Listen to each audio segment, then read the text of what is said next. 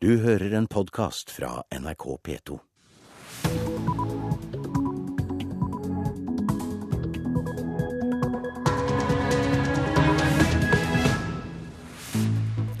Klokka er 6.30, det er tirsdag 28. august. Jeg heter Hege Holm, og nå har du innstilt radioen din på P2s Nyhetsmorgen. Dette er hovedsaker i nyhetene akkurat nå.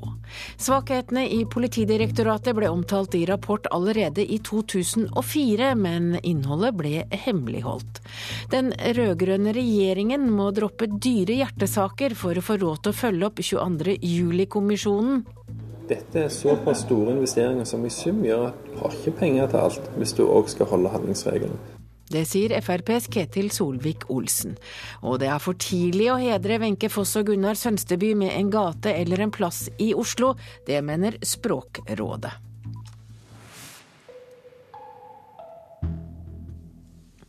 Ja, Først skal vi snakke om beredskapen for svakheter i politiet, påpekt av Gjørv-kommisjonen, ble omtalt i en rapport allerede i 2004, men etterpå er den hemmeligholdt. NRK har nå fått tilgang på rapporten fra 2004 som viser problemer med organisering og ledelse i direktoratet. Og direktoratet har de samme utfordringene i dag. Det sier direktør i Difi, Hans Christian Holte. Det er eh, klare likhetstrekk mellom de funnene vi gjorde i 2004 og det Gjørv-kommisjonen nå har lagt fram. For åtte år siden bestilte Politidirektoratet en rapport fra Statskonsult, som i dag er en del av Difi, Direktoratet for forvaltning. Rapporten påpekte store utfordringer i Politidirektoratet, som svakheter ved organisering og ledelse og problemer med politisk detaljstyring. Det gjelder bl.a.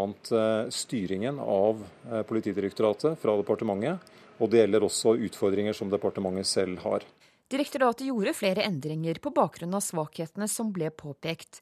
Bl.a. skjedde en omorganisering innad i direktoratet. Likevel har Politidirektoratet de samme problemene i dag, viser Gjørv-kommisjonens rapport om 22.07. Eh, så det er ikke riktig å si at den ikke har blitt fulgt opp.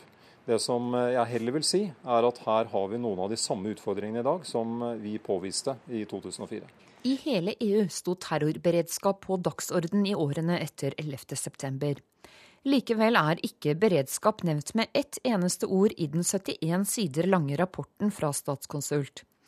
Tidligere politidirektør Ingelin Killengren valgte å unnta rapporten fra offentligheten. I dag ønsker hun ikke å kommentere innholdet. Og reportere her var Line Tomter og Ellen Omland. Og så skal vi fortsette for å snakke om 22. juli-kommisjonen, for nå er opposisjonen ute og sier at den rød-grønne regjeringen må droppe dyre hjertesaker for å få råd til å følge opp 22. juli-kommisjonen. Det mener både KrF og Fremskrittspartiet. Parlamentarisk nestleder i Fremskrittspartiet, Ketil Solvik-Olsen, mener regjeringen ikke har råd til både en massiv togsatsing og en god beredskap. Dette er såpass store investeringer som i sum gjør at du har ikke penger til alt, hvis du òg skal holde handlingsregelen. Nytt datasystem til politiet, beredskapssenter, politihelikopter, nytt nødnett. Det vil koste milliarder å følge opp 22.07-kommisjonens ønsker. I dag skal statsministeren og justisministeren fortelle Stortinget hvordan de vil følge opp kritikken fra kommisjonen. Parlamentarisk nestleder i Fremskrittspartiet, Ketil Solvik-Olsen, mener regjeringen blir tvunget til å velge bort dyre hjertesaker, som intercitytog og lyntog. Ja, for dette, dette, vil koste mange milliarder kroner, men da må en prioritere det vekk andre steder fra, i det store statsbudsjettet. Også leder i Kristelig Folkeparti, Knut Arild Hareide, tror noe må prioriteres ned. Ja, det er klart at eh, Den satsinga som er nødvendig på beredskap, vil koste penger. Og Da er min bekymring at det kan gå utover gode velferdstiltak. Det kan òg være planer som regjeringen har lagt og lovt å følge oppfølging på, som nå kan bli nedprioritert. Nå syns jeg opposisjonen skal puste med magen og prøve å ha to tanker i hodet på en gang. Sier SV-leder Audun Lysbakken, som en opposisjon sliter med troverdigheten. De kan ikke både anklage regjeringen for å satse for lite på beredskap, og samtidig være bekymret for at det faktisk skal koste penger. Nå sier jo eh, Solvik-Olsen at eh, det vil bl.a. kunne gå utover togsatsinga, som jo har vært en hjertesak for SV. Frykter du det samme? Fremskrittspartiet har jo aldri brydd seg om uh, tog, så det er en bekymring som jeg tror Solvik-Olsen skal overlate til andre. SV kommer til å jobbe for et godt jernbanebudsjett, samtidig som vi ønsker å styrke beredskapen. Og Det er mulig fordi vi ikke vil bruke penger på den skattelettepolitikken som Solvik-Olsen sjøl ønsker seg. En regjering på høyresiden ville fått et alvorlig finansieringsproblem, fordi den vil kaste bort altfor mye penger på skattelette.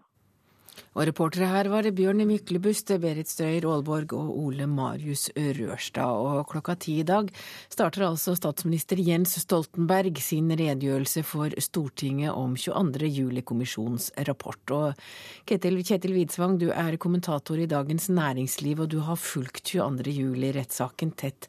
Hva er det som står på spill for Jens Stoltenberg i dag?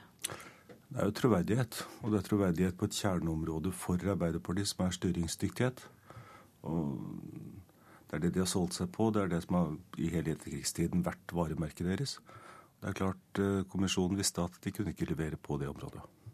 Men hva kan han gjøre for å vinne tilbake troverdighet?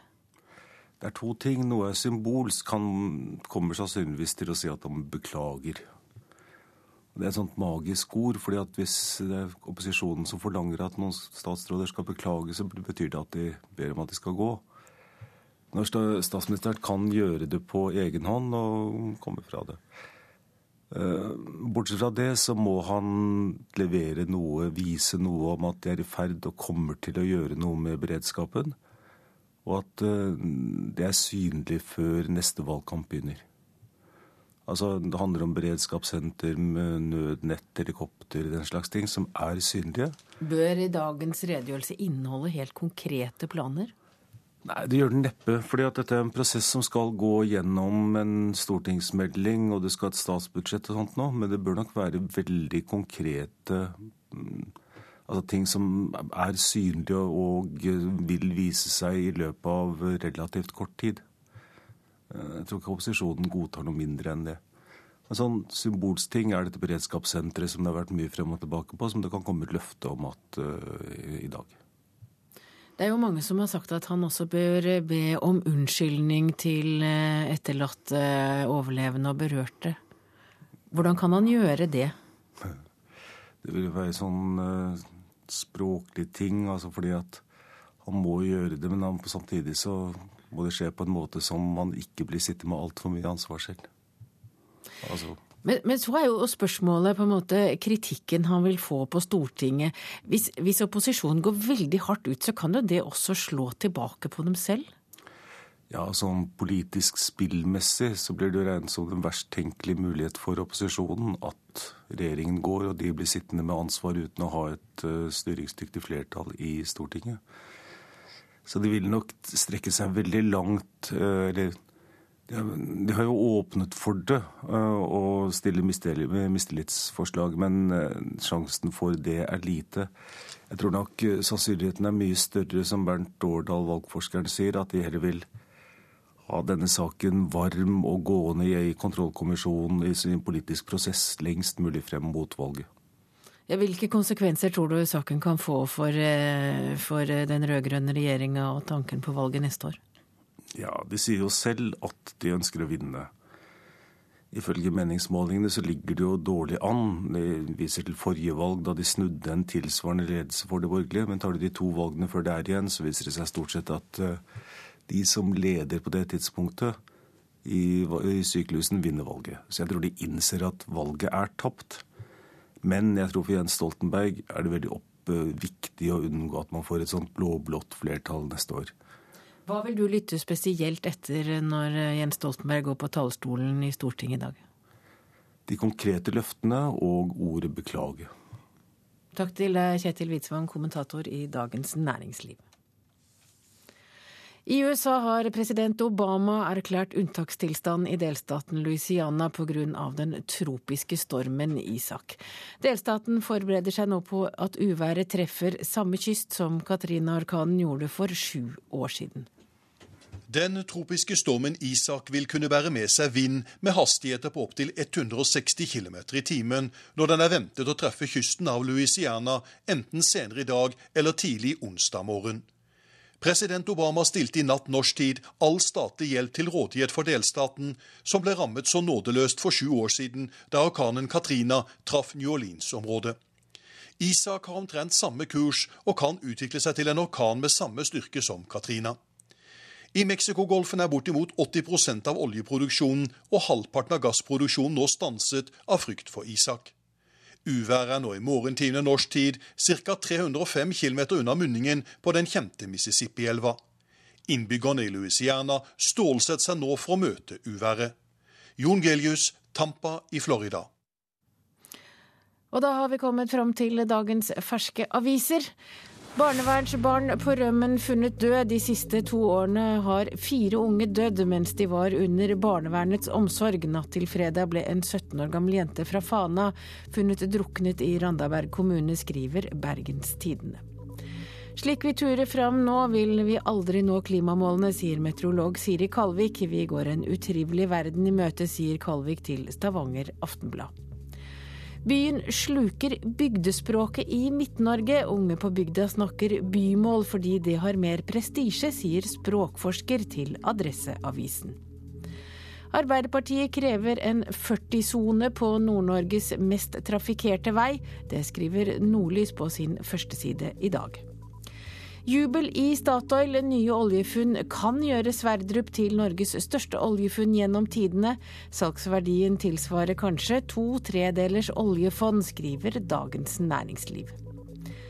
Tren mindre å gå ned i vekt, det viser ny forskning, skriver Dagbladet. Grisebønder taper minst 150 millioner kroner på sviktende salg.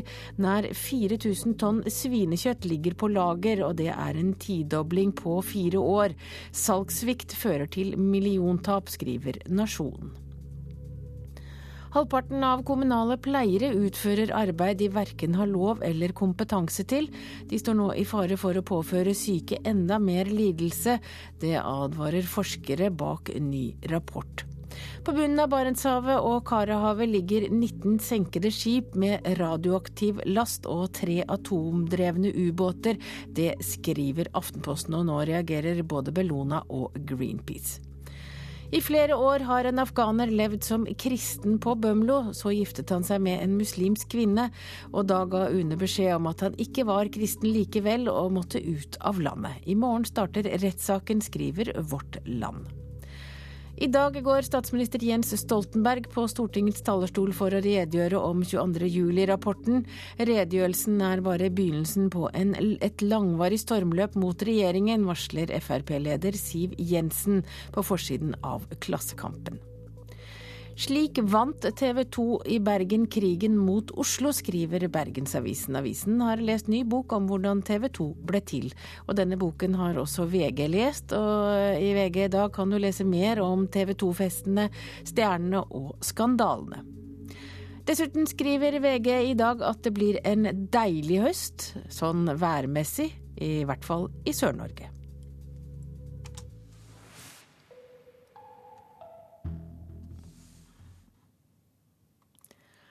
Og så til sport, for det norske fotballandslaget må overprestere for å nå VM i Brasil om to år. Det viser klubbindeksen som måler prestasjonsnivået i de forskjellige ligaene. I forhold til indeksen så må vi det. Nils Johan Semb er toppfotballsjef i Norges Fotballforbund. Klubbindeksen blir utarbeidet av to selskap som samler og sammenligner resultat og statistikker for alle Europas 52 nasjonale fotballserier. De med lavest indeks skal være de beste. Og de aller, aller fleste som har kvalifisert seg til de siste mesterskapene, har hatt en indeks på rundt to. Norge har ligget på rundt 3,5.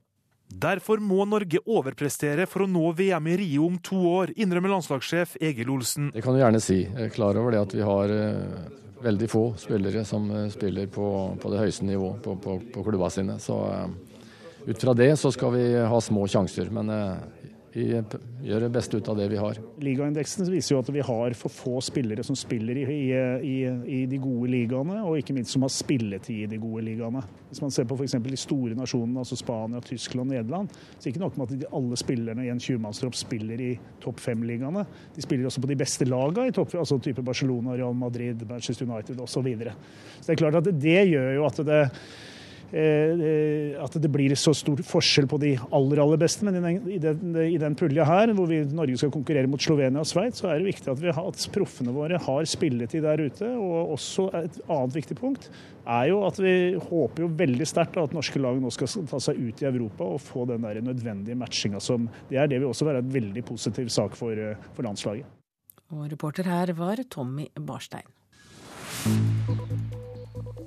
Du hører på Nyhetsmorgen i NRK P2 og Alltid nyheter. Klokka er 6.45, og dette er hovedsaker i nyhetene.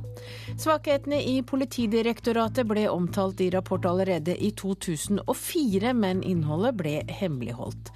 Den rød-grønne regjeringen må droppe dyre hjertesaker for å få råd til å følge opp 22.07-kommisjonen. Det mener Frp og KrF. Og følg med, så kan du være med på å spekulere om hvem som kan bli ny NRK-sjef.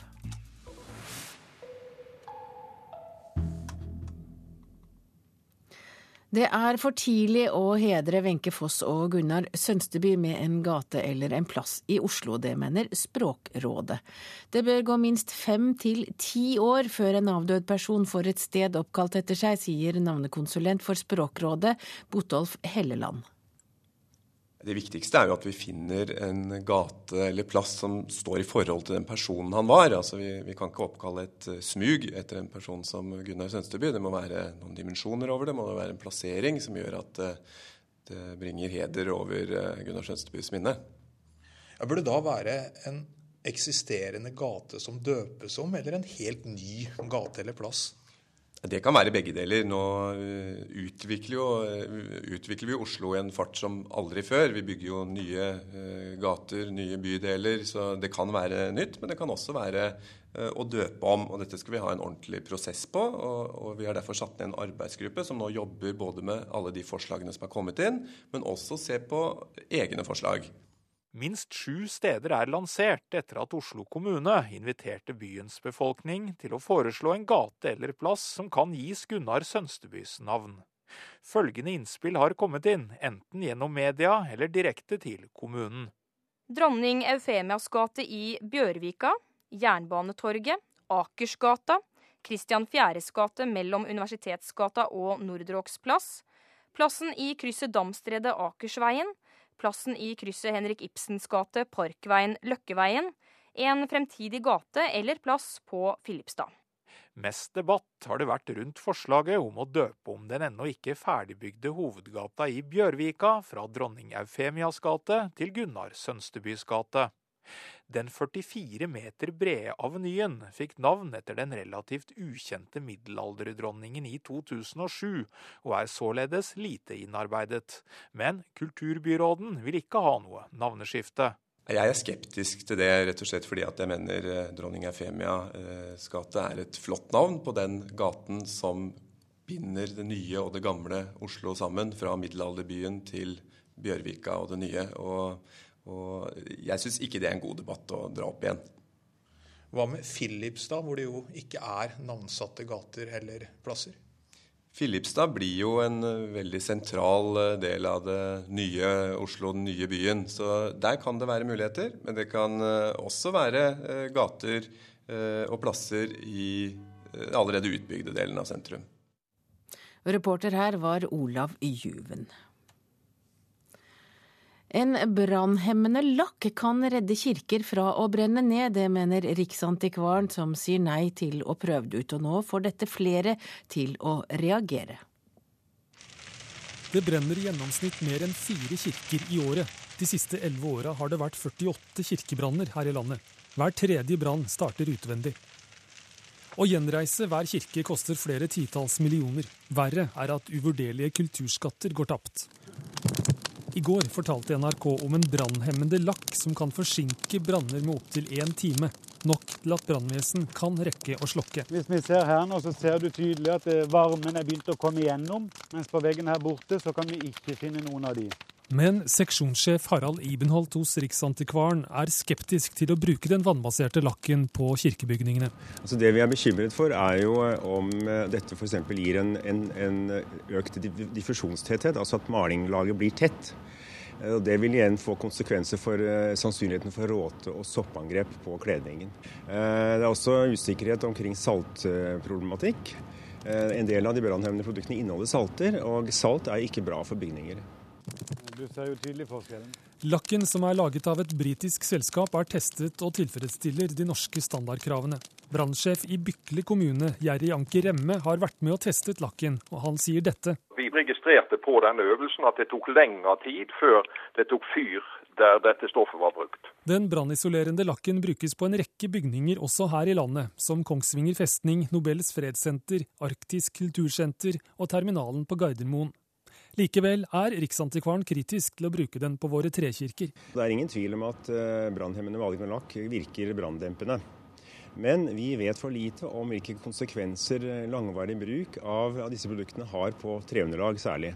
I England der har faktisk Riksantikvaren tatt i bruk, og det, de bruker det faktisk på altertavler som er flerfoldige hundre år gamle. Stortingspolitiker Bente Thorsen fra Fremskrittspartiet er kritisk til Riksantikvarens advarsler. Dette er et materiale som er blitt brukt i Nordsjøen, på borerigger og alle sånne plasser så det er store brannfarer, og på viktige kulturbygg i Norge. Og da at vi ikke skal være villige til å se hvordan det kan fungere på våre kulturbygg som kirkene er, det, det syns jeg er helt urimelig, altså. Og reporter her var Stein Eide. En ny kringkastingssjef må ha kompetanse på nye medier. Det mener flere medieeksperter Kulturnytt har snakket med. I går annonserte Hans Tore Bjerkås at han gir seg som kringkastingssjef til våren. Vi ser hvis vi legger telefonen her, og så skal vi på det. Han fester mikrofonen på jakken før han går ut av venterommet og inn i Dagsrevyens studio for å snakke om sin tid som kringkastingssjef. Dere kan egentlig komme inn nå, så kan dere bare sitte i studioet ditt. Da er det intro først.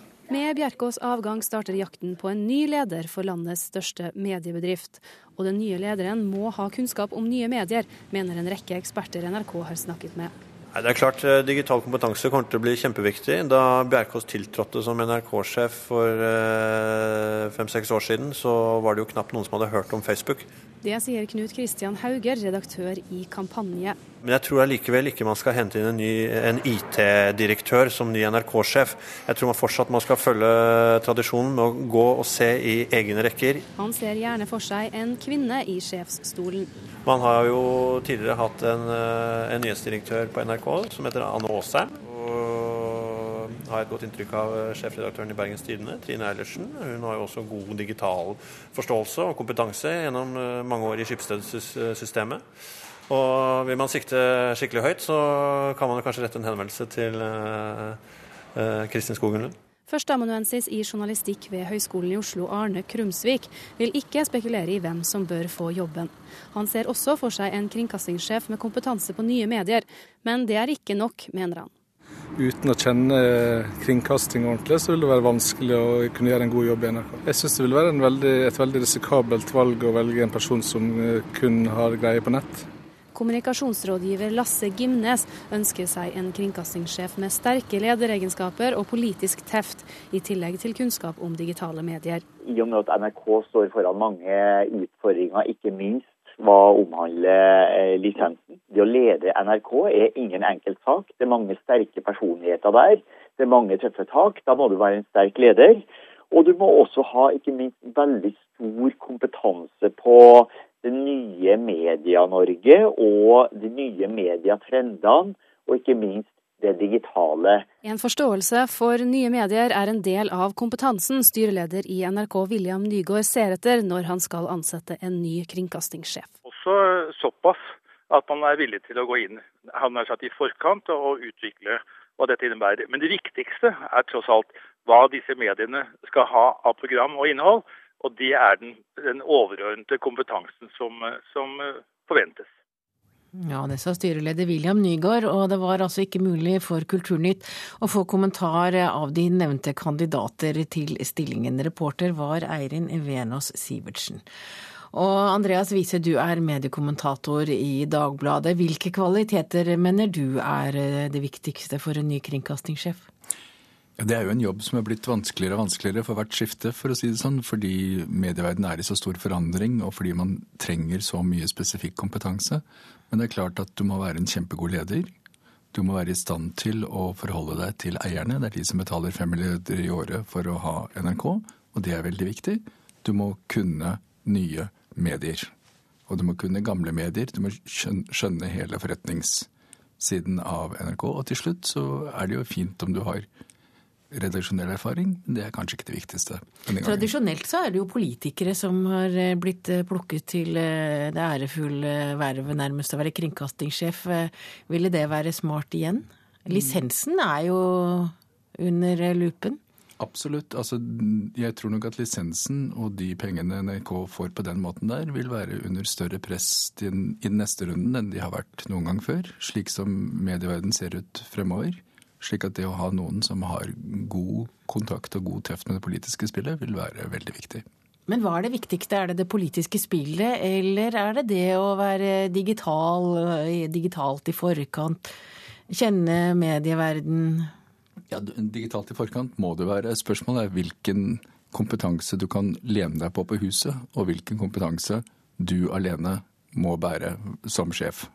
Og, og der er det nok lettere å finne kompetanse på å drive TV og radio og nye medier i NRK enn å drive politikk. Kan du tenke deg noen gode kandidater, Andreas Wiese? Det fins eh, en del. Nå har jo altså Det har vært fire tidligere kandidater fra Eller tidligere fire kringkastingssjefer fra, fra, Arbeiderpartiet. Men alle kandidatene alle de tidligere kringkastingssjefene hittil har vært menn. Sånn at det ville være naturlig om det ikke snart kom en kvinne i stillingen. Uh, Anne Aasheim har vært her før og er nå leder av Kulturrådet, har vært innom Dagbladet en tur. Det er en mulighet. Kristin Skogen Lund er jo eh, nevnt. NHO-presidenten. Kristin Skogen Lund ville være en veldig, veldig sterk kandidat hvis hun hadde lyst til å skifte beite. Men det spørs det om hun har. Alexandra Beck Gjørv ser jeg også er nevnt i Dagens Næringsliv i dag. Det er en morsom eh, spekulasjon. Eh, jeg er ikke sikker på om hun innehar de kvalifikasjonene som trengs i denne stillingen. Hun ville nok måtte lære seg partning først. Er det en spesiell kandidat du skulle ønske deg? som mediekommentator, mener jeg? Nei, det er det ikke. Jeg har ikke noe spesielt eh, personlig ønske om noen.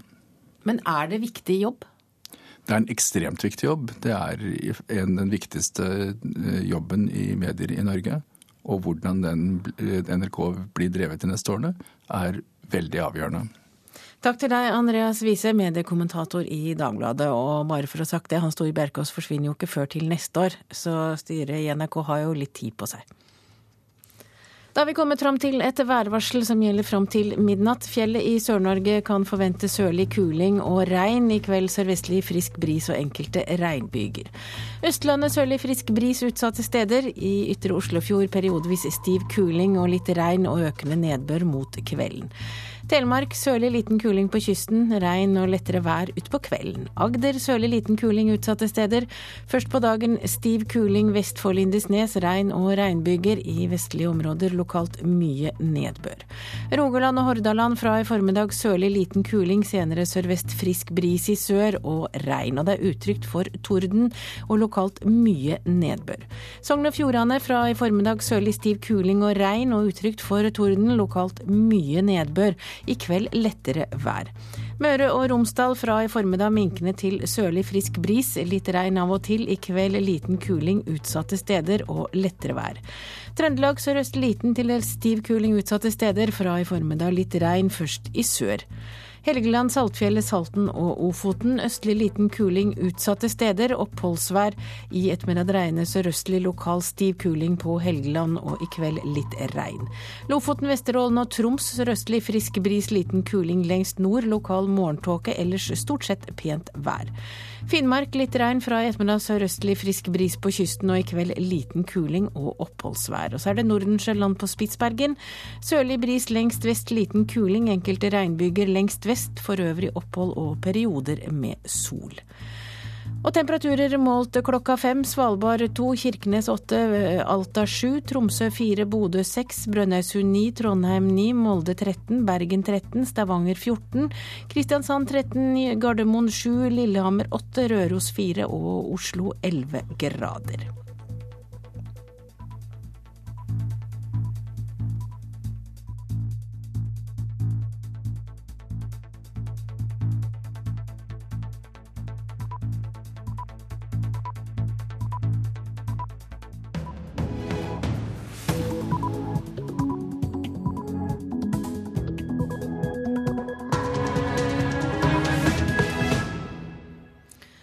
Klokka blitt sju, du hører på Nyhetsmorgen og jeg heter Hege Holm, og her er en nyhetsoppdatering.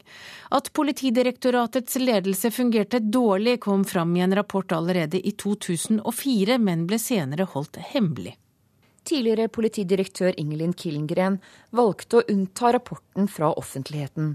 I dag ønsker hun ikke å kommentere innholdet. Politihelikopteret som skulle vært brukt på Utøya har vært godkjent eh, til å la skarpskytere skyte fra det. Det viser hittil ukjente beredskapsplaner. Hadde vi hatt helikopterberedskap med en skarpskytter, så hadde man sannsynligvis redusert eh, antall skadde og drepte på Utøya. Så langt må vi jo kunne være ærlige. Og det sa FrPs Per Sandberg. I dag skal siste kapittel om det turbulente lønnsoppgjøret i staten behandles, og det er Rikslønnsnemnda som bestemmer Unio-lønningene. Det norske fotballandslaget må prestere for å nå VM i Brasil om to år. Vi har eh, veldig få spillere som eh, spiller på, på det høyeste nivå på, på, på klubba sine. Så eh, ut fra det så skal vi ha små sjanser. Men vi gjør det beste ut av det vi har. Og det sa landslagstrener Egil Olsen. I Danmark starter granskingen av statsminister Helle Thorning-Smiths skattesak. Og tross i flere ulykker her i landet, laksefiskerne bruker ikke flytevest. Ja, det, det kommer litt i annen rekke, jeg skal innrømme det. Nyhetsmorgen. Svakheter i politiet påpekt av Gjørv-kommisjonen ble omtalt i en rapport allerede i 2004. NRK har fått tilgang på rapporten fra 2004 som påpeker problemer med organisering og ledelse i direktoratet. Og direktoratet har de samme utfordringene i dag, sier direktør i Difi Hans Christian Holte. Det er eh, klare likhetstrekk mellom de funnene vi gjorde i 2004 og det Gjørv-kommisjonen nå har lagt fram. Det gjelder bl.a. Eh, styringen av eh, Politidirektoratet fra departementet. Og det gjelder også utfordringer som departementet selv har. For åtte år siden bestilte Politidirektoratet en rapport fra Statskonsult, som i dag er en del av Difi, Direktoratet for forvaltning.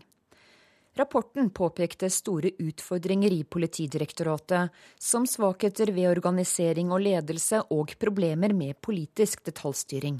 Eh, disse funnene førte til, til handling. Eh, og så kan du spørre ga handlingen nødvendig effekt. Eh, fordi OK, de omorganiserte direktoratet etter vår evaluering. Og så må man da spørre seg ga den omorganiseringen de effektene vi, man egentlig ønsket seg. Direktoratet gjorde flere endringer på bakgrunn av svakhetene som ble påpekt. Annet skjedde en omorganisering innad i direktoratet. Likevel har Politidirektoratet de samme problemene i dag, viser Gjørv-kommisjonens rapport om 22.07. Eh, så det er ikke riktig å si at den ikke har blitt fulgt opp. Det som jeg heller vil si, er at her har vi noen av de samme utfordringene i dag som vi påviste i 2004. Ja, men det er ganske mange år siden. Er det ikke litt eh, rart at man ikke har klart å gjøre noe med de utfordringene etter 2004? Det jeg vil si generelt til det, er at eh, de utfordringene som Gjørv-kommisjonen beskriver, og de som vi beskrev i 2004, noen av dem er ganske allmenne utfordringer i styringen av underliggende virksomhet fra departementene. Så for å si det på den måten, dette er noen av de evige problemene eh, forvaltningen har hatt. I denne rapporten fra 2004 så er ikke ordet beredskap nevnt én en eneste gang, selv om det bare var tre år etter 11.9. Hvorfor var det ikke noe fokus på beredskap i det hele tatt i evalueringen? Det Politidirektoratet var opptatt av i 2004, det var å få en vurdering av om selve etableringen av direktoratet i hele sin bredde var på plass, og hvordan det lå an. Tidligere politidirektør Ingelin Killengren valgte å unnta rapporten fra offentligheten. I dag ønsker hun ikke å kommentere innholdet. Og reportere var Line Tomter og Ellen Omland. Politiets eget overvåkingshelikopter var i flere år godkjent for at skarpskyttere kunne bruke helikopteret. Det går fram av Oslo-politiets egne beredskapsplaner.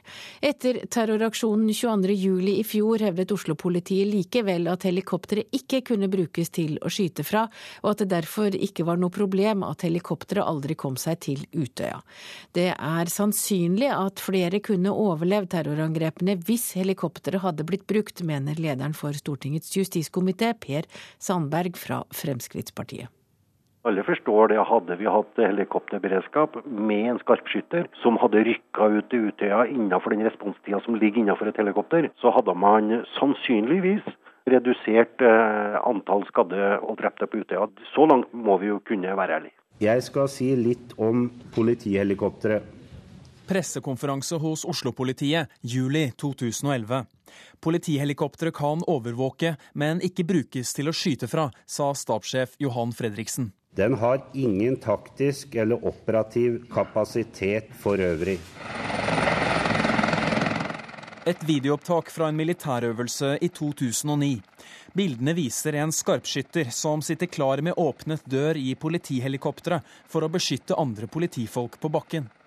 I flere år skulle Oslo-politiet vurdere om noen kunne skyte fra politihelikopteret hvis en farlig situasjon oppsto. 22.07-kommisjonen slår fast at dette var en del av politiets egne beredskapsplaner, som også stabssjef Johan Fredriksen hadde ansvaret for. Det stiller eh, politiaksjonen i et eh, underlig lys. Sier justispolitiker André Oktay Dahl fra Høyre. Nøyaktig samme helikopteret kan det ene året brukes, det andre året kan det ikke brukes. Det gjør at man stiller seg noen spørsmål som vi kommer til å ta opp i Stortinget når vi skal behandle statsministerens redegjørelse, hvis han ikke redegjør klart for det da. Oslo politidistrikt vil ikke la seg intervjue av NRK om denne saken. Ledelsen skriver i en e-post at de ikke burde ha bestemt at politiet skulle vurdere å bruke helikopteret til å skyte fra, og sier helikopteret uansett ikke egner seg til dette, og at dette derfor ble tatt vekk fra beredskapsplanene i fjor, før terrorangrepene. Politiledelsen sier at å la skarpskyttere kunne skyte fra helikopteret var en ambisjon som helikoptertjenesten og beredskapstroppen hadde, og at med trening, godkjenninger og nytt utstyr, så mente disse to avdelingene for flere år siden at dette kunne bli mulig. Politiledelsen sier også at intensjonen deres med å ha skarpskyttere i helikopteret uansett bare har vært å ha dem der for å få oversikt over situasjonen på bakken, ikke for at de skal skyte fra helikopteret. Oktay Dahl vil ha klarere svar på hva politihelikopteret kan brukes til. Jeg tenker at uh, dette er noe vi må bore i. fordi det har jo vist seg at uh, politiets forklaringer på hva som er faglige vurderinger og operative vurderinger, har vist seg i etterkant og ikke medføre riktighet når kommisjonen har gått nærmere inn i det. Så dette er blant de spørsmålene vi kommer til å bore i. Og reportere her var Haldor Asvald, Ellen Omland og Øyvind Byskille. Og Allan Jensen, du er kaptein og du er instruktør for skarpskyttertjenesten i Hæren, og selv tidligere skarpskytter. Hvilke erfaring har du med å skyte fra helikopter? Nei, Jeg har eh, skutt fra helikopter ved et par anledninger. Det, det er den erfaringen jeg har. Ja, Hvor treffsikker blir man når man sitter i et helikopter og skyter? Nei, Det er veldig mange faktorer som spiller inn der. Det, ikke minst er det skytterens egenferdighet og treningsstandard. Det er jo om eh, stabiliteten i helikopteret. Det er jo selvfølgelig avhengig av vær- og vindforhold og sikt. Og så er det selvfølgelig avstanden til personen som skal skytes. Da. Og nå vet vi jo veldig mye om fasiten for 22.07. Hadde det vært mulig å bruke helikopter og, og treffe massemorder Anders Behring Breivik? Det er en ting jeg ikke kan kommentere, for jeg var ikke til stede og har ikke anledning til å kommentere den kapasiteten, dessverre. Men eh, da får vi tenke oss det, da. Hvordan ville du gått fram for å skyte en gjerningsmann eh, som var en ekstrem trussel mot mange mennesker? Ja, som sagt, Jeg har ikke anledning til å gå inn på de taktiske vurderingene som politiet og eventuelt Forsvaret gjør i sånne situasjoner. Men som grunnregel, når du skal skyte fra helikopter, så gjelder det å være så langt unna som mulig, men som nærme som nødvendig. Sikkerheten for de eh, personellet som er i helikopter, både helikopterpiloter, skarpskyttere og eventuelt andre operatører, det, den sikkerheten står i høysetet. Ja, hvor farlig er det? Hvis det, du står overfor en fiende fiende i militærsammenheng eller en, en gjerningsmann i politisammenheng eh, som innehar f.eks. automatvåpen eller langtrekkende våpen, så er det en veldig stor fare å operere fra helikopter. For det er, når du er i lufta i et helikopter, så er det bare ikke å hoppe bak en stein og skjule seg. Så det betyr at det å være skarpskytter og skyte fra et helikopter, det gjør man helst ikke? Det, det beror veldig på, på, situasjonen man står overfor. Eh, det som er verdt å, å bemerke her, at du, du, kan altså kjøpe verdens beste utstyr både på helikopter og våpenside og alt man ønsker. Men det hjelper ikke hvis man ikke har den treningsstandarden eh, til å skyte fra et helikopter. Det er, noe, det er toppidrett innenfor skarpskyting, og det må øves på jevnlig. Men har man den eh, kunnskapen i Norge? Kunnskapen finnes, det gjør det. Og det er folk som er trent og kan gjøre det? Ja. Men hvor stor er faren for å treffe andre enn de man egentlig ønsker å treffe? Ja, Det avhenger veldig av situasjonen. Hvis du har en gjerningsmann som går blant sivile, så vil det alltid være en, en fare for å, for å, treffe uskyldige.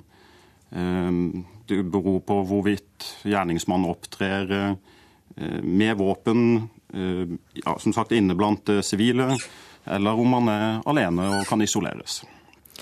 Hvis vi da går tilbake til Utøya, som jo alle sitter og tenker på, så var det jo i lange perioder at gjerningsmannen gikk alene fordi ungdommen løp jo fra ham. Vil det da være lettere? Hvis en gjerningsmann går alene, så vil det være lettere å isolere gjerningsmannen. Og Hvorvidt man da skal skyte eller ei, det beror jo da på gjerningsmannens handling, egne handlinger. Så Det er han sjøl som avgjør om han skal bli skutt eller arrestert, eller begge deler. Men jeg vil jo tro at når du sitter i et helikopter, så har du jo såpass god oversikt over hva som skjer på bakken eh, gjennom at du bruker f.eks. kikkert, da, så du vet omtrent eh, hva slags situasjon det er? Ja, altså man har eh, Fordelen med å være fra helikopter oppe i lufta at man kan se ting ovenifra. og Man får en bedre oversikt. Det er riktig. Takk til deg, kaptein Allan Jensen. Du er altså instruktør for skarpskyttertjenesten i Hæren. I dag skal Jens Stoltenberg og Grete Farmo altså redegjøre for Stortinget etter 22. juli-kommisjons rapport. Og det blir mer om det i Politisk kvarter om en drøy halvtime, kollega Sigrid Solund. Det er jo en uhyre viktig dag for eh, Stoltenberg i dag. Om snaut tre timer skal han altså sammen med justisminister Grete Farmo fortelle Stortinget om hvilke planer regjeringen har for å få bedre beredskap i Norge. Før det kommer han til Politisk kvarter, og kanskje letter han litt på sløret allerede her. Hit kommer også Knut Arild Hareide, Erna Solberg og Siv Jensen, som alle har hver sine krav og forventninger til det Stoltenberg skal legge fram i dag. Og det skjer altså 7.45 her på P2.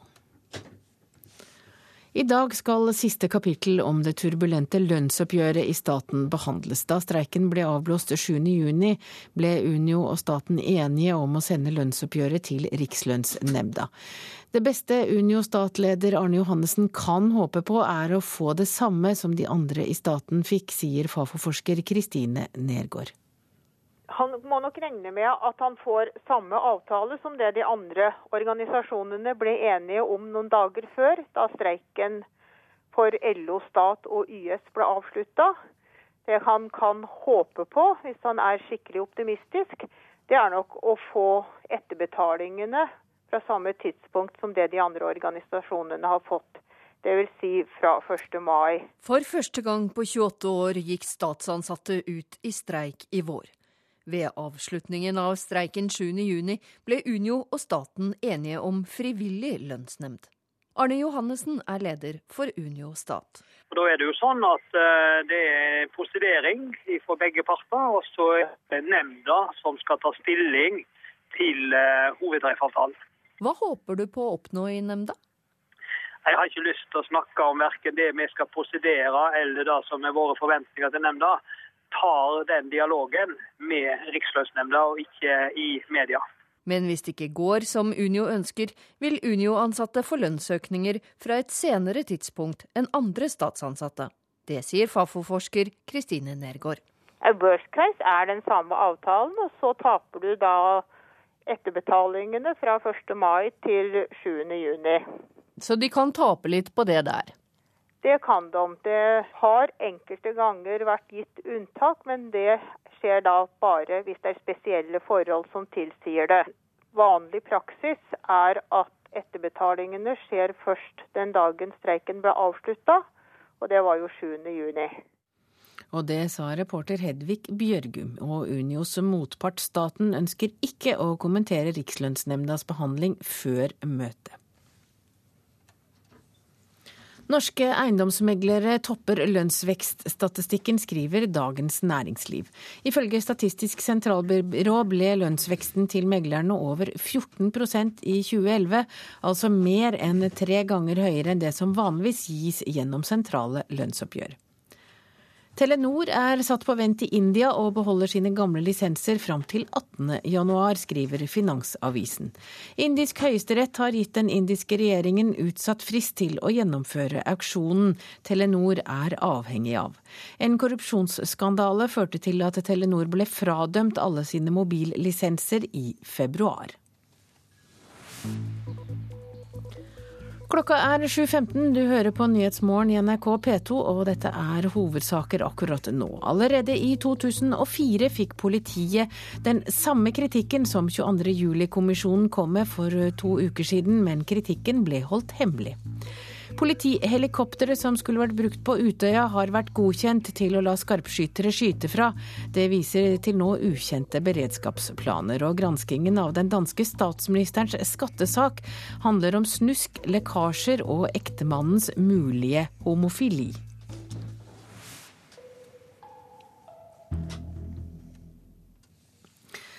Da skal vi ut i verden, for i Colombia har colombianske myndigheter og FARC-geriljaen åpnet fredsforhandlinger. Iallfall så skal de åpne fredsforhandlinger, og det skjer i Oslo 5. oktober, ifølge den tidligere visepresidenten i landet, Francisco Santos. Og den venstreorienterte FARC-geriljaen har drevet en væpnet kamp i Colombia siden 1964, og geriljaen har vært beryktet for å bortføre tusenvis av mennesker og holde dem fanget i jungelen i årevis. Forhandlingene mellom partene blir de første i landet på over ti år. Og Vegard By, du har i en årrekke hatt Sør-Amerika som spesialfelt, både som forsker og journalist. Og hva betyr det at colombianske myndigheter og FARC-geriljaen nå ønsker å sette seg til bordet og snakke sammen? Det er jo ikke første gangen det skjer. Eh, nesten alle presidenter de siste 15-20 åra i Colombia har forsøkt dette, med unntak av den forrige. Eh, men det er veldig viktig fordi eh, det nå har skjedd så store endringer i hele styrkeforholdet mellom gerilja og regjering at regjeringa og president eh, Juan Manuel Santos vel føler seg ganske trygg på at nå har han mulighet til å få en fredsløsning. Også fordi det er veldig konkrete og oppfyllbare krav fra geriljaen som det er mulig å forhandle om. Hvorfor har dette styrkeforholdet endret seg? Fordi eh, i Latin-Amerika så har den væpnede kampen som metode mistet sin, eh, sin, eh, sin mening. Eh, først Cuba, senere Venezuela. Chávez har sagt at dette er et, et tilbakelagt kapittel. Og Begge disse landene har også spilt en veldig viktig rolle i å tilrettelegge for disse forhandlingene. Men, men hvorfor skal fredsforhandlingene foregå i Oslo? Godt spørsmål. Jeg tror ikke Oslo er noe hovedsete for dette. Det er nok Havanna som har vært senteret. Der har de hatt møter og, og kontakt i lengre tid. Eh, FARC har en av sine ledere stasjonert i Havanna. Presidenten selv var i Havanna for et par-tre måneder siden. Eh, riktignok offisielt for et annet formål, men det er klart at dette var en del av hans dagsorden der. Eh, Norge har en slags prestisje, fortjent eller ufortjent, og spesielt i Latin-Amerika når det gjelder å tilrettelegge for forhandlinger. Og kanskje også noen tenker som så at det utdeles en fredspris i Norge fra tid til annen, som, som ikke er dumt å få med seg for en president. Og det er klart at Dette er et politisk mål også for presidenten å få dette, dette forhandlingsløpet i, i havn. Men, men, hvis de klarer det, hvilke konsekvenser vil en forsoning få for colombianerne? Eh, det er en krig som har vart i, i 50 år. Men husk på at Colombia er et ekstremt delt samfunn. Eh, hvis du reiser til eh, Bogotá eller andre storbyer, så opplever du et, et demokratisk land, et land med, med, med, med rettssikkerhet. Ute på landsbygda så er det krig, diktatur, jungelens lov. Og geriljaen vil framfor alt få pasifisert landsbygda og gi indianbefolkningen og det folkene på landsbygda tilgang på jord, eh, tilgang på, eh, på en bedre miljø og kunne vende tilbake. Det er 3,7 millioner flyktninger bare de siste 10-12 årene. Og det er en, en, veldig viktig del av denne, denne fredsforhandlingen. Bare krysse fingrene for at det går bra. Takk til deg, forsker og journalist Vegard By. I Florida gjenopptar republikanerne i kveld sitt landsmøte etter at det ble utsatt i går pga. den tropiske stormen Isak. Landsmøtet skal formelt utpeke Mitt Romney som eh, partiets presidentkandidat, og nå rykker hans aller nærmeste ut til forsvar for ham. Den republikanske presidentkandidaten får hjelp av sine fem sønner her i Tampa i Florida. I ly av den tropiske stormen Isaks herjinger dukket de fem sønnene i går opp og direkte i den konservative TV-kanalen Fox News. Den ene sønnen, fast at faren hans ikke bryr seg nevneverdig om alle påstander og negative medieoppslag om ham. You know, what's interesting is it, it doesn't bother us because we know who he really is. It doesn't bother my mom and dad because they're very comfortable with who they are. And I mean, of course, we know that people are going to say stuff in politics. It's a tough game, but he's very confident. We're confident. We know who he is. And as people in the you know in the country get to know him, I think they're going to love him. Broren Tag Romney håpet at de republikanske delegatene ville bli bedre kjent med faren i løpet av landsmøtet. Dette er en viktig plass for ham til å vise seg frem som det gode mennesket han er, sa sønnen. I think it'll be uh, it'll be fun for people to realize and get to know my dad on a more personal level. I think hopefully the convention will be a good uh, you know channel to do that to kind of learn a bit more of his story. You know, I think he's in large part just been defined by the opposition up to this point. Mm-hmm. And so it's our opportunity and, and I think my dad's to now tell his side of the story. Ladies and gentlemen, so it is my privilege to proclaim the 2012 Republican National Convention in session and call to order. De klappet begeistret over at landsmøtet til det republikanske partiet var i gang. Men landsmøtet rakk så vidt å åpne før det altså ble satt på vent i ett døgn. Den tropiske stormen Isak må bære skylden for utsettelsen. Den herjer nå i Mexicogolfen og kan utvikle seg til å bli en orkan i løpet av dagen eller natten. Partilederen prøvde så godt han kunne å oppildne sine partifeller da han offisielt åpnet landsmøtet. Republican National Convention stands in recess subject to the call of the chair. Inne i landsmøtesalen er det to store lystavler som teller hvor mye USAs statsgjeld øker sekund for sekund. Republikanerne ønsker fokus på den skakkjørte amerikanske økonomien, og håper deres politiske budskap ikke drukner i medieoppslagene om en partiløs storm ved navn Isak. Senere i kveld fortsetter det amputerte landsmøtet. Det hele avsluttes torsdag kveld, når Mitt Romney formelt utpekes som republikanernes presidentkandidat. Et høydepunkt som republikanerne håper skal skaffe dem nok vind i seilene til å erobre Det hvite hus. Jon Gelius, Tampa i Florida. Amerikanske soldater brente opp mot 100 eksemplarer av Koranen og annet religiøst materiale på Bagram-basen i Afghanistan i februar. Det er konklusjonen etter at hendelsen er blitt etterforsket. Koranbrenningen vakte voldsomme reaksjoner i Afghanistan og førte til flere blodige opptøyer og til at forholdet mellom USA og Afghanistan ble ytterligere anspent. Seks amerikanske soldater fikk irettesettelse etter hendelsen, men ingen ble dømt til fengselsstraff. Og da skal vi til Danmark, for der starter granskingen av statsminister Helle Thorning-Smiths skattesak. En sak om mulig skattesnusk, om lekkasjer om tidligere statsminister Lars Løkke Rasmussens politiske liv. Og det handler også om statsminister Thorning-Smiths mann er homofil eller ikke. Avisene er fulle av homoryktene om den danske statsministerens ektemann i helgen.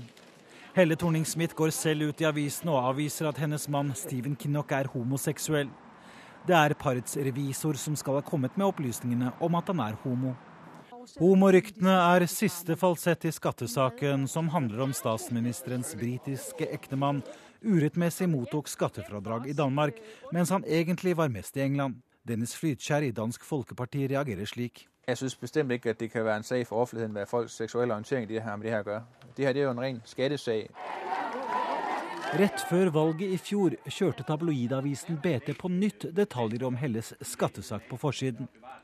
Kan det ha vært daværende statsminister Lars Løkke Rasmussen og hans skatteminister som lakk fortrolige skatteopplysninger til avisen, og dermed kanskje grov sin egen grav som politikere? I alt 43 vitner skal avhøres i den sju måneder lange prosessen som Skattekommisjonen har satt i gang. Først ut er journalisten i avisen BT, som har servert detaljene i saken som selv manusforfatterne av den politiske serien Borgen ikke har hatt fantasi nok til å overgå. Og det sa utenriksminister, nei, utenriksmedarbeider Øyvind Nyborg. Da vi kommet fram til dagens ferske aviser. Barnevernsbarn på rømmen er funnet død. De siste to årene har fire unge dødd mens de var under barnevernets omsorg. Natt til fredag ble en 17 år gammel jente fra Fana funnet druknet i Randaberg kommune, skriver Bergens Tidende. Slik vi turer fram nå, vil vi aldri nå klimamålene, sier meteorolog Siri Kalvik. Vi går en utrivelig verden i møte, sier Kalvik til Stavanger Aftenblad. Byen sluker bygdespråket i Midt-Norge. Unge på bygda snakker bymål fordi det har mer prestisje, sier språkforsker til Adresseavisen. Arbeiderpartiet krever 40-sone på Nord-Norges mest trafikkerte vei, det skriver Nordlys. Jubel i Statoil, nytt oljefunn kan gjøre Sverdrup til Norges største oljefunn gjennom tidene. Salgsverdien tilsvarer kanskje to tredelers oljefond, skriver Dagens Næringsliv. Tren mindre gå ned i vekt, det viser ny forskning, skriver Dagbladet. Grisebønder taper minst 150 millioner kroner på sviktende salg. Nær 4000 tonn svinekjøtt ligger på lager, og det er en tidobling på fire år. Salgssvikt fører til milliontap, skriver Nasjonen. Halvparten av kommunale pleiere utfører arbeid de verken har lov eller kompetanse til. De står i fare for å påføre, påføre syke enda mer lidelse, advarer forskere bak ny rapport i Dagsavisen. På bunnen av Barentshavet og Karahavet ligger 19 senkede skip med radioaktiv last og tre atomdrevne ubåter, skriver Aftenposten. Greenpeace og Bellona mener opplysningene er oppsiktsvekkende og sjokkerende. I flere år har en afghaner levd som kristen på Bømlo. Så giftet han seg med en muslimsk kvinne og ga UNE beskjed om at han ikke var kristen likevel, og måtte ut av landet. I morgen starter rettssaken, skriver Vårt Land. I dag går statsminister Jens Stoltenberg på Stortingets talerstol for å redegjøre om 22. juli-rapporten. Redegjørelsen er bare begynnelsen på et langvarig stormløp mot regjeringen. Det varsler Frp-leder Siv Jensen på forsiden av Klassekampen. Slik vant TV 2 i Bergen krigen mot Oslo, skriver Bergensavisen. Avisen har lest ny bok om hvordan TV 2 ble til. Og denne boken har også VG lest, og VG kan i dag fortelle om TV 2-festene, stjernene og skandalene. Dessuten skriver VG i dag at det kan bli en deilig høst, sånn værmessig sett. I hvert fall i Sør-Norge og i neste uke.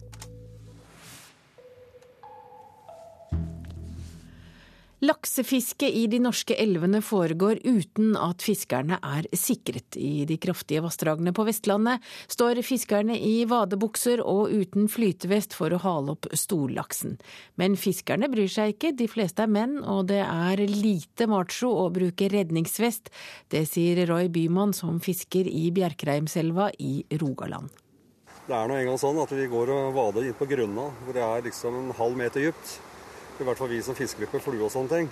Så med tanke på flytevest og sånne ting, så blir det ja, det, det kommer litt i annen rekke. Jeg skal innrømme det. Gambling med livet, sier daglig leder i Bjerkreim elveeierlag, Toril Dalene Gjedrem. Mange steder langs elva så er det jo rullestein, og det kan være vondt å stå. og Du kan fort miste fotfestet. Og badebuksene kan jo fylles med vann, og de blir fryktelig tunge. Og det blir veldig vanskelig å bevege seg. Du kan fort bli tatt av strømmen. Nylig krevde elvefiske etter laks et drukningsoffer. En tysk turist omkom etter at han falt i Storelva, som renner ut i Oldenvatnet i Stryn kommune. Mannen skal ha stått og fiska da han falt i elva. I Norges jeger- og fiskeforbund er det motstand mot å innføre et lignende påbud om redningsvest som båtfiskerne har for elvefiskerne, selv om det har skjedd et dødsfall. Det sier fiskekonsulent Øyvind Fjelseth. Nei, jeg tror ikke et påbud er veien å gå. Nå er det heller ikke noe påbud å bruke flytevesten i båten. Det er et påbud om å ha flytevesten i båten. Nå er heldigvis trenden den at flere og flere bruker flytevest når de er i båt, og, og det skulle vi gjerne ønske at det skjedde blant uh, norske sportsfiskere òg. Men det bryr svært få av fiskerne vi har snakka med seg om. Nei, jeg har ikke gjort det. Det er første dagen i dag som jeg fisker her, så det Jeg tok ikke med vestene i dag. Nei, de, de har jeg aldri brukt. Har du hatt noen uhell? Nei, aldri. Frode Eiane og Ole Pedersen fra Danmark bruker vadebukse i stedet for redningsvest. De står på Knausa der elva renner strie. Etter å ha fått tenkt seg om, ville de ha brukt redningsvest hvis det kom et påbud. Roy Bymann savner en oppfinnelse som gjør at det blir kult å bruke redningsvest i elver. Ja, som kan erstatte fiskevest, som har samme lommene og, og funksjonaliteten. Så tror jeg eh, vest kan være tingen. Ja. Og reporter her var Øystein Ellingsen. Du hører på P2s Nyhetsmorgen, og etter Dagsnytt skal vi til Sør-Afrika og Cape Town, der ANCs ungdomsliga har besluttet å gjøre byen uregjerlig. Hør ekko. Auraen det er den, eh, det energifeltet som vi alle skal ha i kroppen og rundt kroppen. Kan titusener av mennesker som sier at Snåsamannen har hjulpet dem, ta feil? Har vi en aura av energi som ingen fysiker har oppdaget? Og et usynlig nervesystem som nevrologene ikke vet om? Hør Ekko om healing. Ekko 9 11 i NRK P2.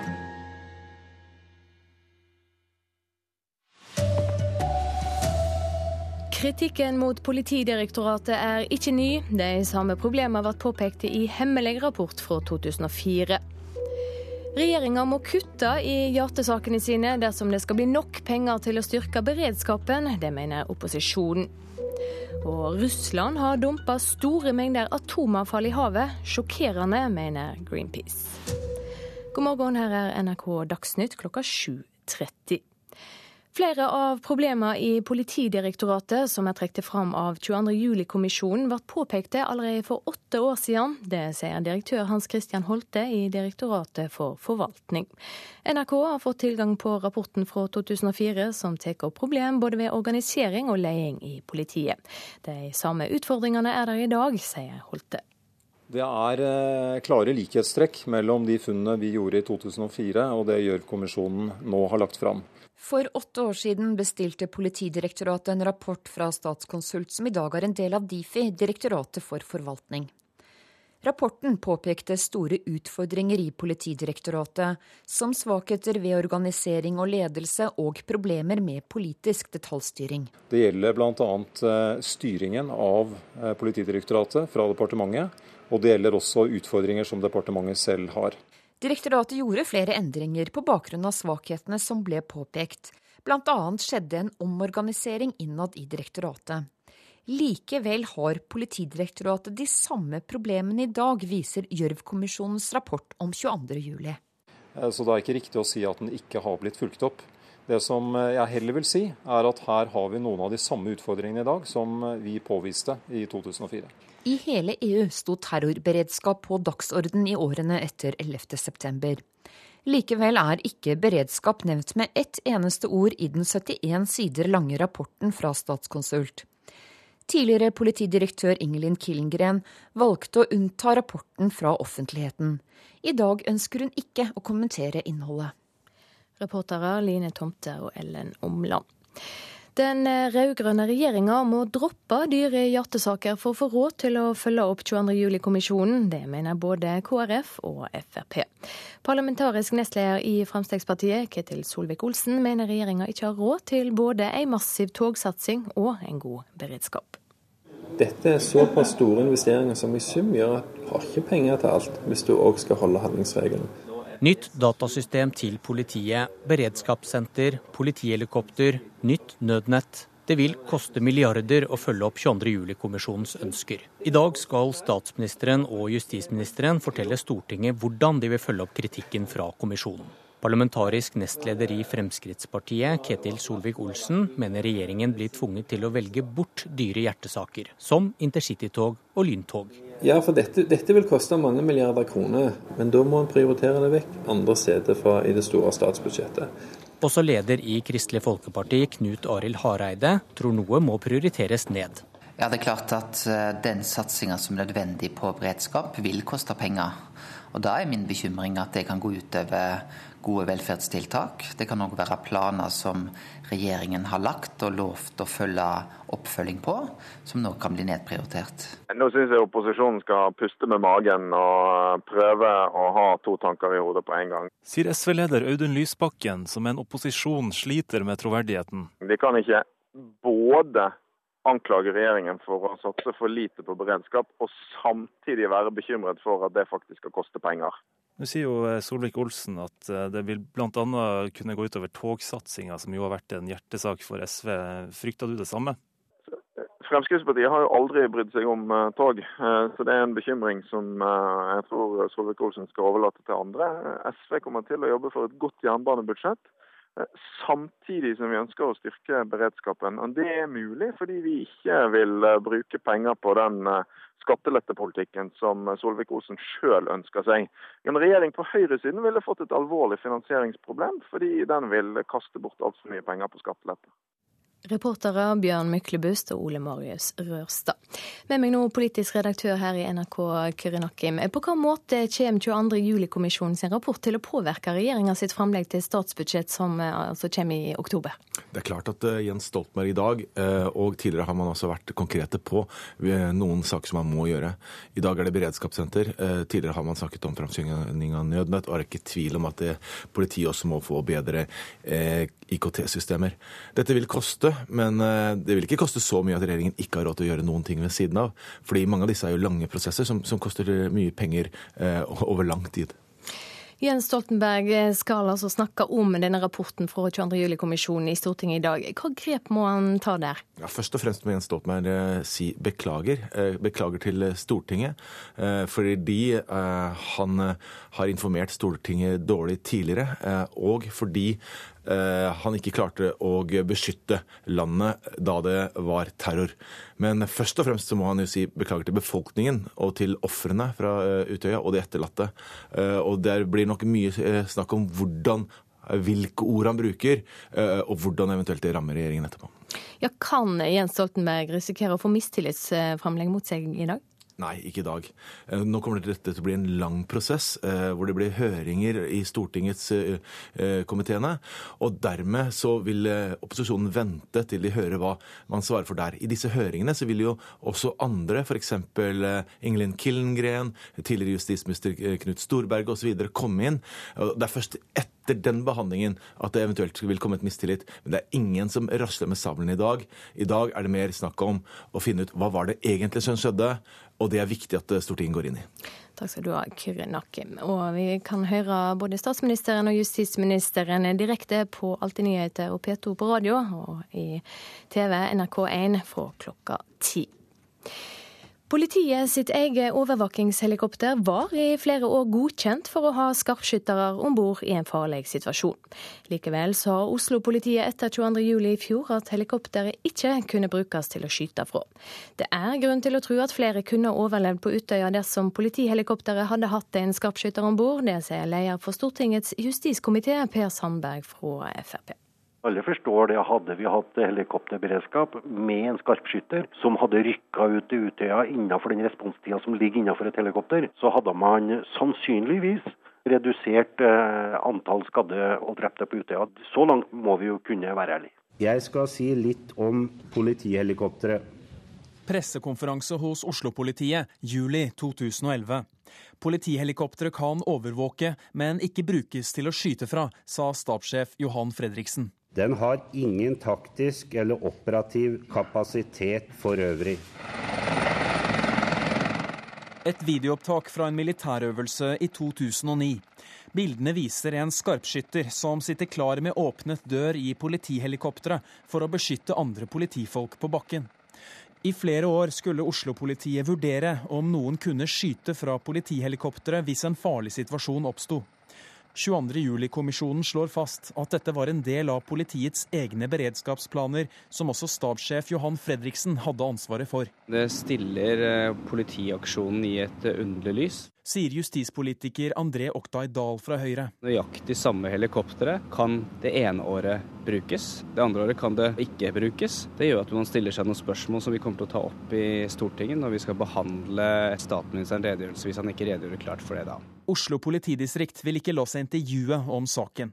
Ledelsen sier i en e-post at de ikke skulle ha skrevet i planene sine at man skulle vurdere å bruke helikopteret til å skyte fra, at det ikke egner seg til dette, og at de fjernet dette fra beredskapsplanene før terrorangrepene i fjor. Reportere Haldor Asvald, Ellen Omland og Øyvind By Skille. Norske miljøorganisasjoner er overraska over nye opplysninger om hvor mye atomavfall Russland har dumpa i Karahavet og deler av Barentshavet. Ifølge en oversikt fra russiske styresmakter finnes det bl.a. 17 000 containere med radioaktivt avfall på havbunnen. Det skriver Aftenposten. Både Greenpeace og Bellona mener opplysningene er oppsiktsvekkende og sjokkerende.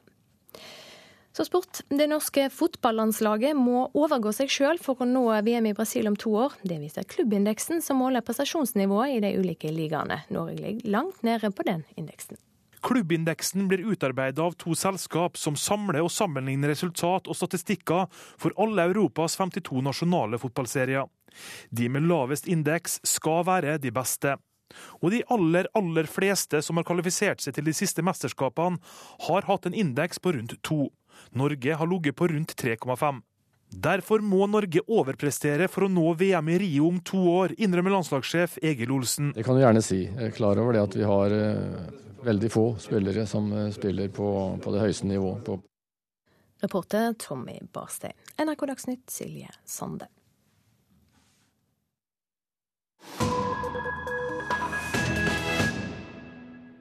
Og du hører på P2s Nyhetsmorgen, og nå skal vi til Sør-Afrika og Cape Town, der ANCs ungdomsliga har besluttet å gjøre byen uregjerlig. Med vold og sabotasje skal viktige samfunnsfunksjoner lammes. De har lykkes, men moderpartiet er ikke begeistret. 6. august kjørte Sandile Hoko av veien i Kayelicha utenfor Cape Town. Det er den fattigste bydelen, og Sandile var bussjåfør. Bussen var full av folk som skulle hjem fra arbeid, den svingte av fra motorveien, og så sto det en masse ungdommer i veien. De kastet stein, de var rasende, Sandile ante ikke på hvem, men plutselig angrep de bussen hans, smadret vinduene, og i forfjamselsen mistet sjåføren kontrollen. Bussen for av veien og inn i seks skur hvor det bodde folk. Der lå et barn og sov, der sto det noen og så på, Fire drept, en av dem var den vettskremte sjåføren. Dagen etter gikk ungdommene ut på motorveien som går forbi flyplassen like ved, og stanset all trafikk. Hele Cape Town sto stille, og så begynte hærverket. Til nå har kommunen kommet til at det har kostet byen fem millioner kroner. Guvernøren i Western Cape, Helen Sille, sier at det er regjeringspartiets ungdomsorganisasjon ANC Youth League som står bak. Billig retorikk fra ei hvit dame, har ANC svart. Helen Sille leder opposisjonspartiet Den demokratiske alliansen, som har flertall i Cape Town og provinsen rundt. Den eneste hvor ikke ANC har makten i Sør-Afrika. Hun har minnet ANC om at de lokale folkevalgte i flere år har sagt at de skulle gjøre byen uregjerlig. Vi skal bruke vår makt og innflytelse til å sabotere både vedtak og prosedyrer, har de truet med. Byen skal slutte å fungere, vi skal vise dem hvem som har makten. ANC strever med å disiplinere sin ungdom. De er arbeidsløse og frustrerte, de er unge og sinte og har ikke respekt for noen. De har ikke fått det livet de drømte om og ble lovet, og intet er mer nærliggende enn å slå til mot den demokratiske alliansen som har mange hvite velgere. ANCs ungdom har da også laget opptøyer mot eh, Helen Sille før. Når hun har besøkt de svarte bydelene, har ANC-ungdom kastet plaststoler etter henne og knust bilvinduene. Hva har hun her å gjøre, har de spyttet etter henne men Helen Sille har gått ut og inn av Cape Towns svarte bydeler hele sitt liv. Hun var en aktivist som særlig de svarte kvinnene husker med stor respekt og kunne stole på, selv om hun var hvit. Men var det ANCs ungdom som sto bak denne gangen, eller var det pøbler? Helen Sille har opptak fra overvåkingskameraene langs motorveien. De viser ANCs kadre organisere operasjonen. Hun har opptak med molotov-cocktail som ble kastet mot politiet.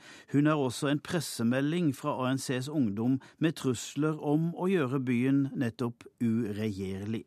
De la først fram et forslag om en tidsplan for boligbygging, bedre sanitærforhold og utplassering av toaletter. Hvis guvernøren kommer med tomme løfter, skal vi la byen synke, sa en av lederne, og det var det de prøvde. Cape Town har tatt opp ANC-ungdommenes manglende demokratiske metoder med president Jacob Zuma, gang etter gang i tre år. Det har aldri kommet noe svar. Kanskje lett å forstå, siden Zuma allerede har store problemer med ungdomsligaen i partiet.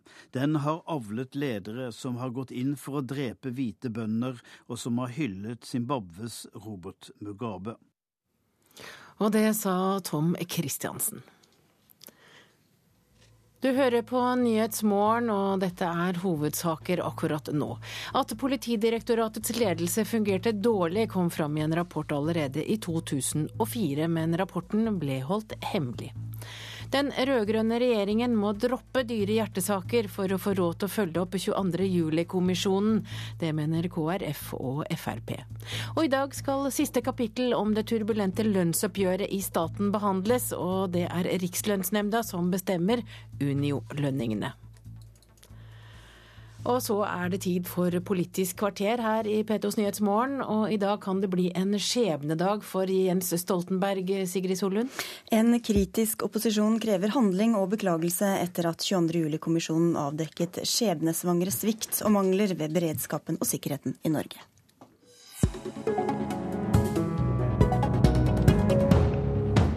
Velkommen til Politisk kvarter, statsminister Jens Stoltenberg. Tusen takk. I dag skal altså du og Grete Farmo redegjøre i Stortinget. Hvor konkrete og detaljerte tiltak kommer dere til å presentere? Først og fremst så skal vi jo redegjøre for hvordan regjeringen følger opp den uh, kommisjonsrapporten vi har fått, og som vi ba om, og varsla at vi kommer med en stortingsmelding. Eh, så vi kommer til å si noe om retning, om noen viktige veivalg. Men eh, politikken kommer i stortingsmeldingen. Eh, det er det omfattende dokumentet der forslaget vil bli fulgt opp. Men kommisjonen sier også at det haster med å bedre sikkerheten. Blir det nye utvalg, nye utredninger, eller kommer det handling før den tid? Jeg deler veldig eh, vurderingen at det haster. og Derfor er det ikke slik at vi har ventet på kommisjonen eller, mm, eller stortingsmeldingen med å gjennomføre de tiltakene vi mener er riktig og nødvendig å gjennomføre. Det er gjennomført betydelige tiltak det siste året, med en kraftig styrking av helikopterberedskap. Med etablering av et eh, døgnbemannet eh, sivilt eh, krisesenter. Med styrking av 112-kapasiteten der og med kraftig styrking av eh, Forsvarets evne til å bistå politiet og mange andre tiltak. Så de tiltakene er allerede gjennomført, og vi vil også gjennomføre eh, flere i løpet av høsten. Eh, før stortingsmeldingen legges fram. Men den helhetlige gjennomgangen av hele rapporten og alle vurderingene kommer i stortingsmeldingen. F.eks. beredskapssenteret politiet har etterlyst i Alna i Oslo. Kommer du til å legge fram det i dag? Jeg skal holde redegjørelsen eh, senere, men vi handler så raskt det lar seg gjøre på alle enkeltpunkter og har gjennomført eh, mange tiltak allerede og vil legge fram ytterligere eh, tiltak. Det beredskapssenteret er en stor investering, har vært utredet og vurdert i mange år og handler om å få samlet beredskapstroppen, helikopter, hundetjeneste, slik at man får en god base for å rykke ut og for å samordne. Og det var nettopp samordning, samhandling, så var det blant de tingene som eh, sviktet den 22. juli. Kommer du til å be om unnskyldning når du møter i dag? Jeg tror det er riktig at jeg venter med å si hva jeg skal si i redegjørelsen til jeg holder eh, redegjørelsen. Eh, det viktige for meg er at vi har fått den rapporten vi ba om. Noe av det aller første vi gjorde etter 22.07, da det, vi var ferdig med det første sorgarbeidet, var jo at vi tidlig i august tok initiativet til denne kommisjonen fordi vi var opptatt av å få alle fakta på bordet. Eh, snudd alle steiner, og også få de ubehagelige fakta på bordet. Og det har vi nå fått med rapporten. og Det gir oss et eh, felles virkelighetsforståelse og gir oss et eh, godt og viktig grunnlag for å gå videre, handle. Men Konklusjonene derfra var også dramatiske. Hvilke av dem har du tatt til deg i størst grad og blitt mest overrasket over? Det jeg har tatt mest til meg, er det kommisjonen sier om at hovedproblemet er ikke mangel på bevilgninger, eh, på utstyr, eh, på vedtak, men hovedproblemet er en manglende kultur, eh, holdning til risiko og manglende gjennomføringsevne. Mangel i ledelse. Det er veldig alvorlig.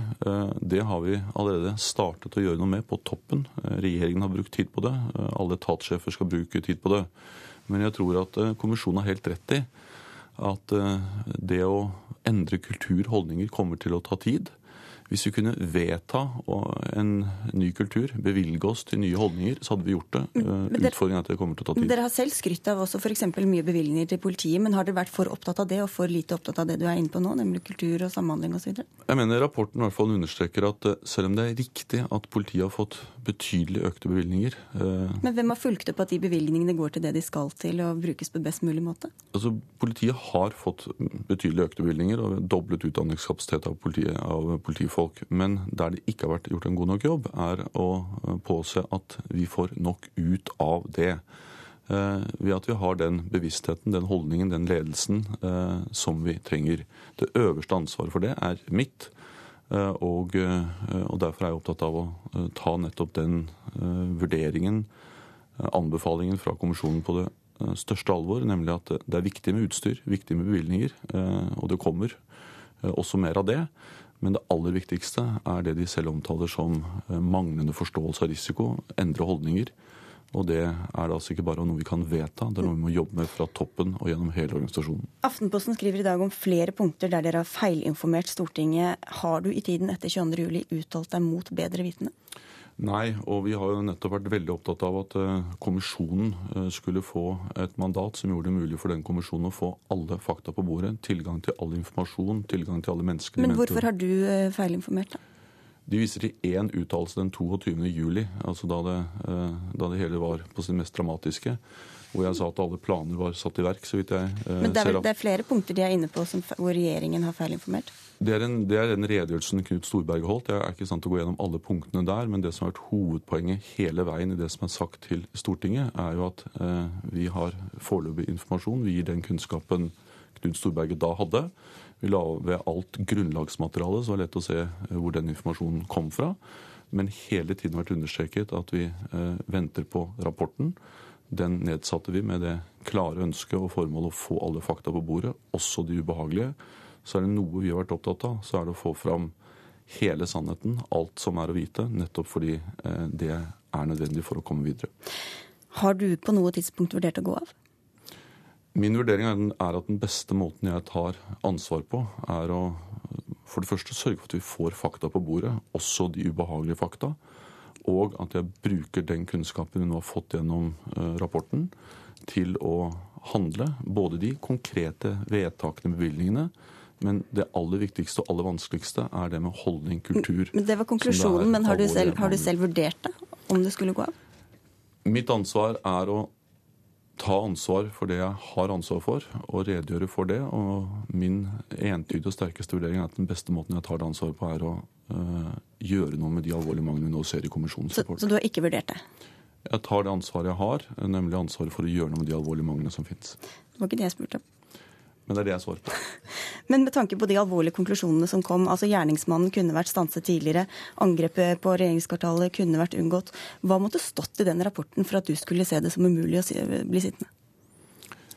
Det avgjørende er hva jeg mener er det beste bidraget jeg kan gi til å gjøre noe med de veldig alvorlige manglene som er avdekket, og som er avdekket eh, gjennom flere år og som handler om en del enkeltting, men som jeg har understreket, og som kommisjonen sier er den viktigste og den første uh, utfordringen, nemlig det som handler om ledelse, samordning, gjennomføringskraft, uh, kultur. og det er vi i gang med, fordi det er den største utfordringen, og kanskje den vanskeligste å gjøre noe med. Du ville vente med å debattere dette til du er i Stortinget om et par timer. Takk skal du ha for at du kom, Jens Stoltenberg, hvor du bl.a. er i Stortinget skal møte dem vi skal høre fra nå. Knut Arild Hareide bl.a., leder i Kristelig Folkeparti.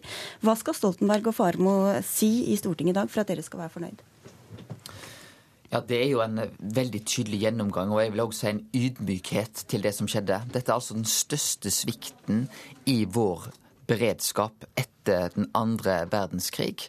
Og det er den grunntonen og det alvoret som er viktig at statsministeren får fram i dag. Så mener jeg han må peke både framover, men han òg må se tilbake i tid. For som programlederen tydelig tar opp med statsministeren, det er en del informasjon som har kommet fra regjeringa til Stortinget, som ikke har vært riktig. Og informasjonsplikten overfor Stortinget, det er grunnleggende for regjeringa. Men det aller viktigste likevel hva regjeringa peker framover mot i dag. Siv Jensen, leder i Fremskrittspartiet. Du hørte Jens Stoltenberg nå. Det er gått bare to uker siden kommisjonen la frem rapporten sin. Hvor konkrete løsninger som samtidig er gode og gjennomtenkte, forventer du at regjeringen skal komme opp med alt nå? Ja, jeg må si at Etter å ha hørt statsministeren, nå, så er jeg redd han ikke kommer med så mye konkret. For han peker igjen på at han skal legge frem en stortingsmelding på et eller annet tidspunkt eh, før påske, antar jeg. Eh, det er riktig at det er to uker siden Gjørv-kommisjonen. Det er ett år siden 22.07 skjedde.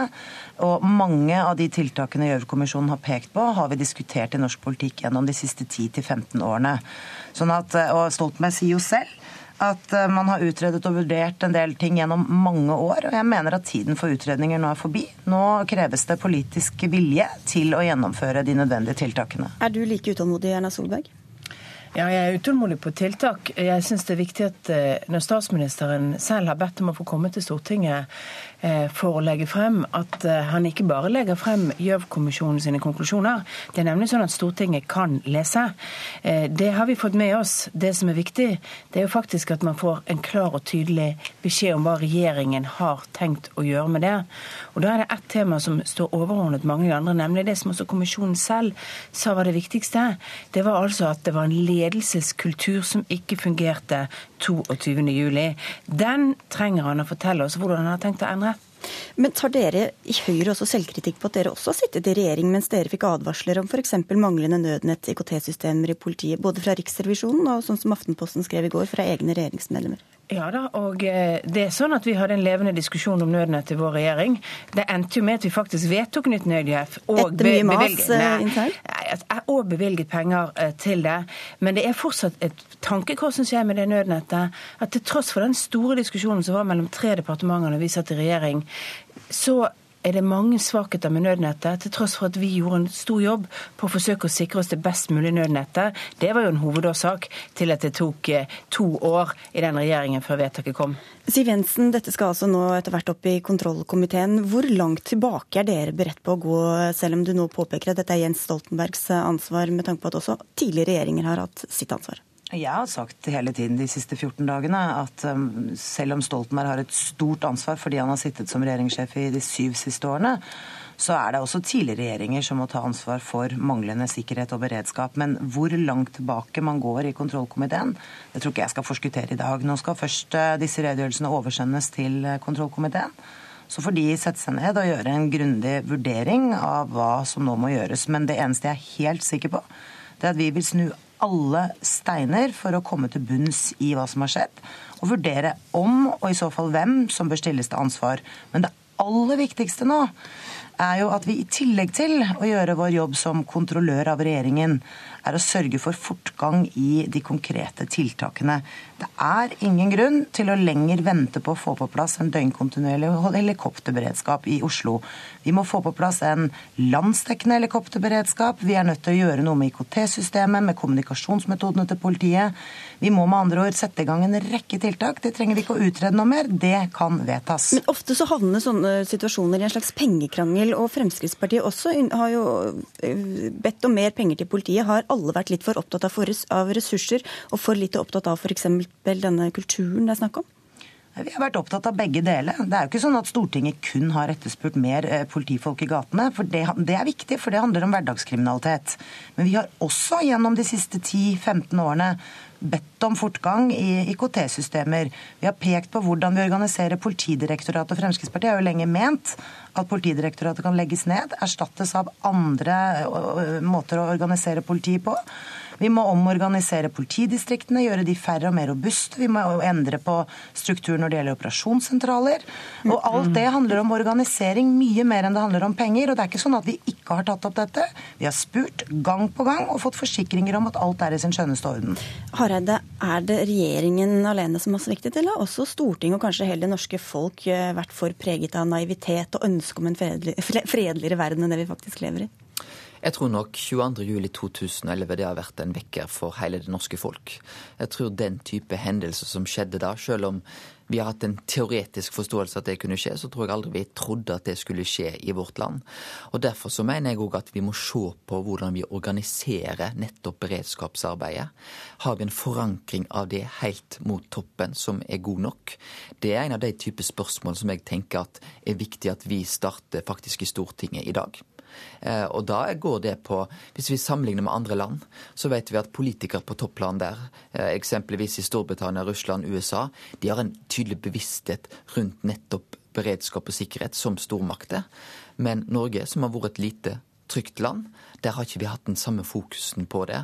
Har en vært med i politikken, så har det vært andre saker som har blitt sett på som viktigere. Og Derfor så tror jeg at dette er en veldig viktig og nyttig debatt å starte nå.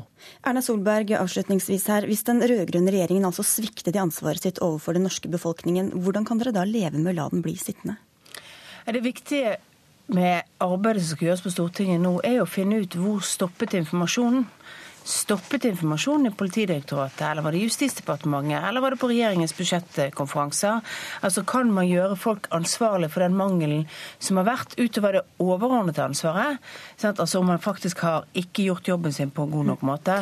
Men det er viktig å si at om, om denne, denne kulturen, så tror jeg vi alle skal ta ansvar for at en kultur hvor vi diskuterer bare penger og ikke resultater, det har vært dominerende i norsk politikk på alle sektorer. Det har vi kanskje lært noe av i dag. Men de svarene dere bl.a. får i dag, de vil være avgjørende for regjeringens skjebne videre? Nå skal kontrollkomiteen begynne arbeidet sitt, og da tror jeg vi begynner å grave enda mer i hva er reelle svar. Om to timer begynner altså redegjørelsen. Den kan dere følge her på P2, på NRK1 og på nrk.no. Politisk kvarter takker for seg og takker gjestene. Jeg heter Sigrid Solund. Du har hørt en podkast fra NRK P2.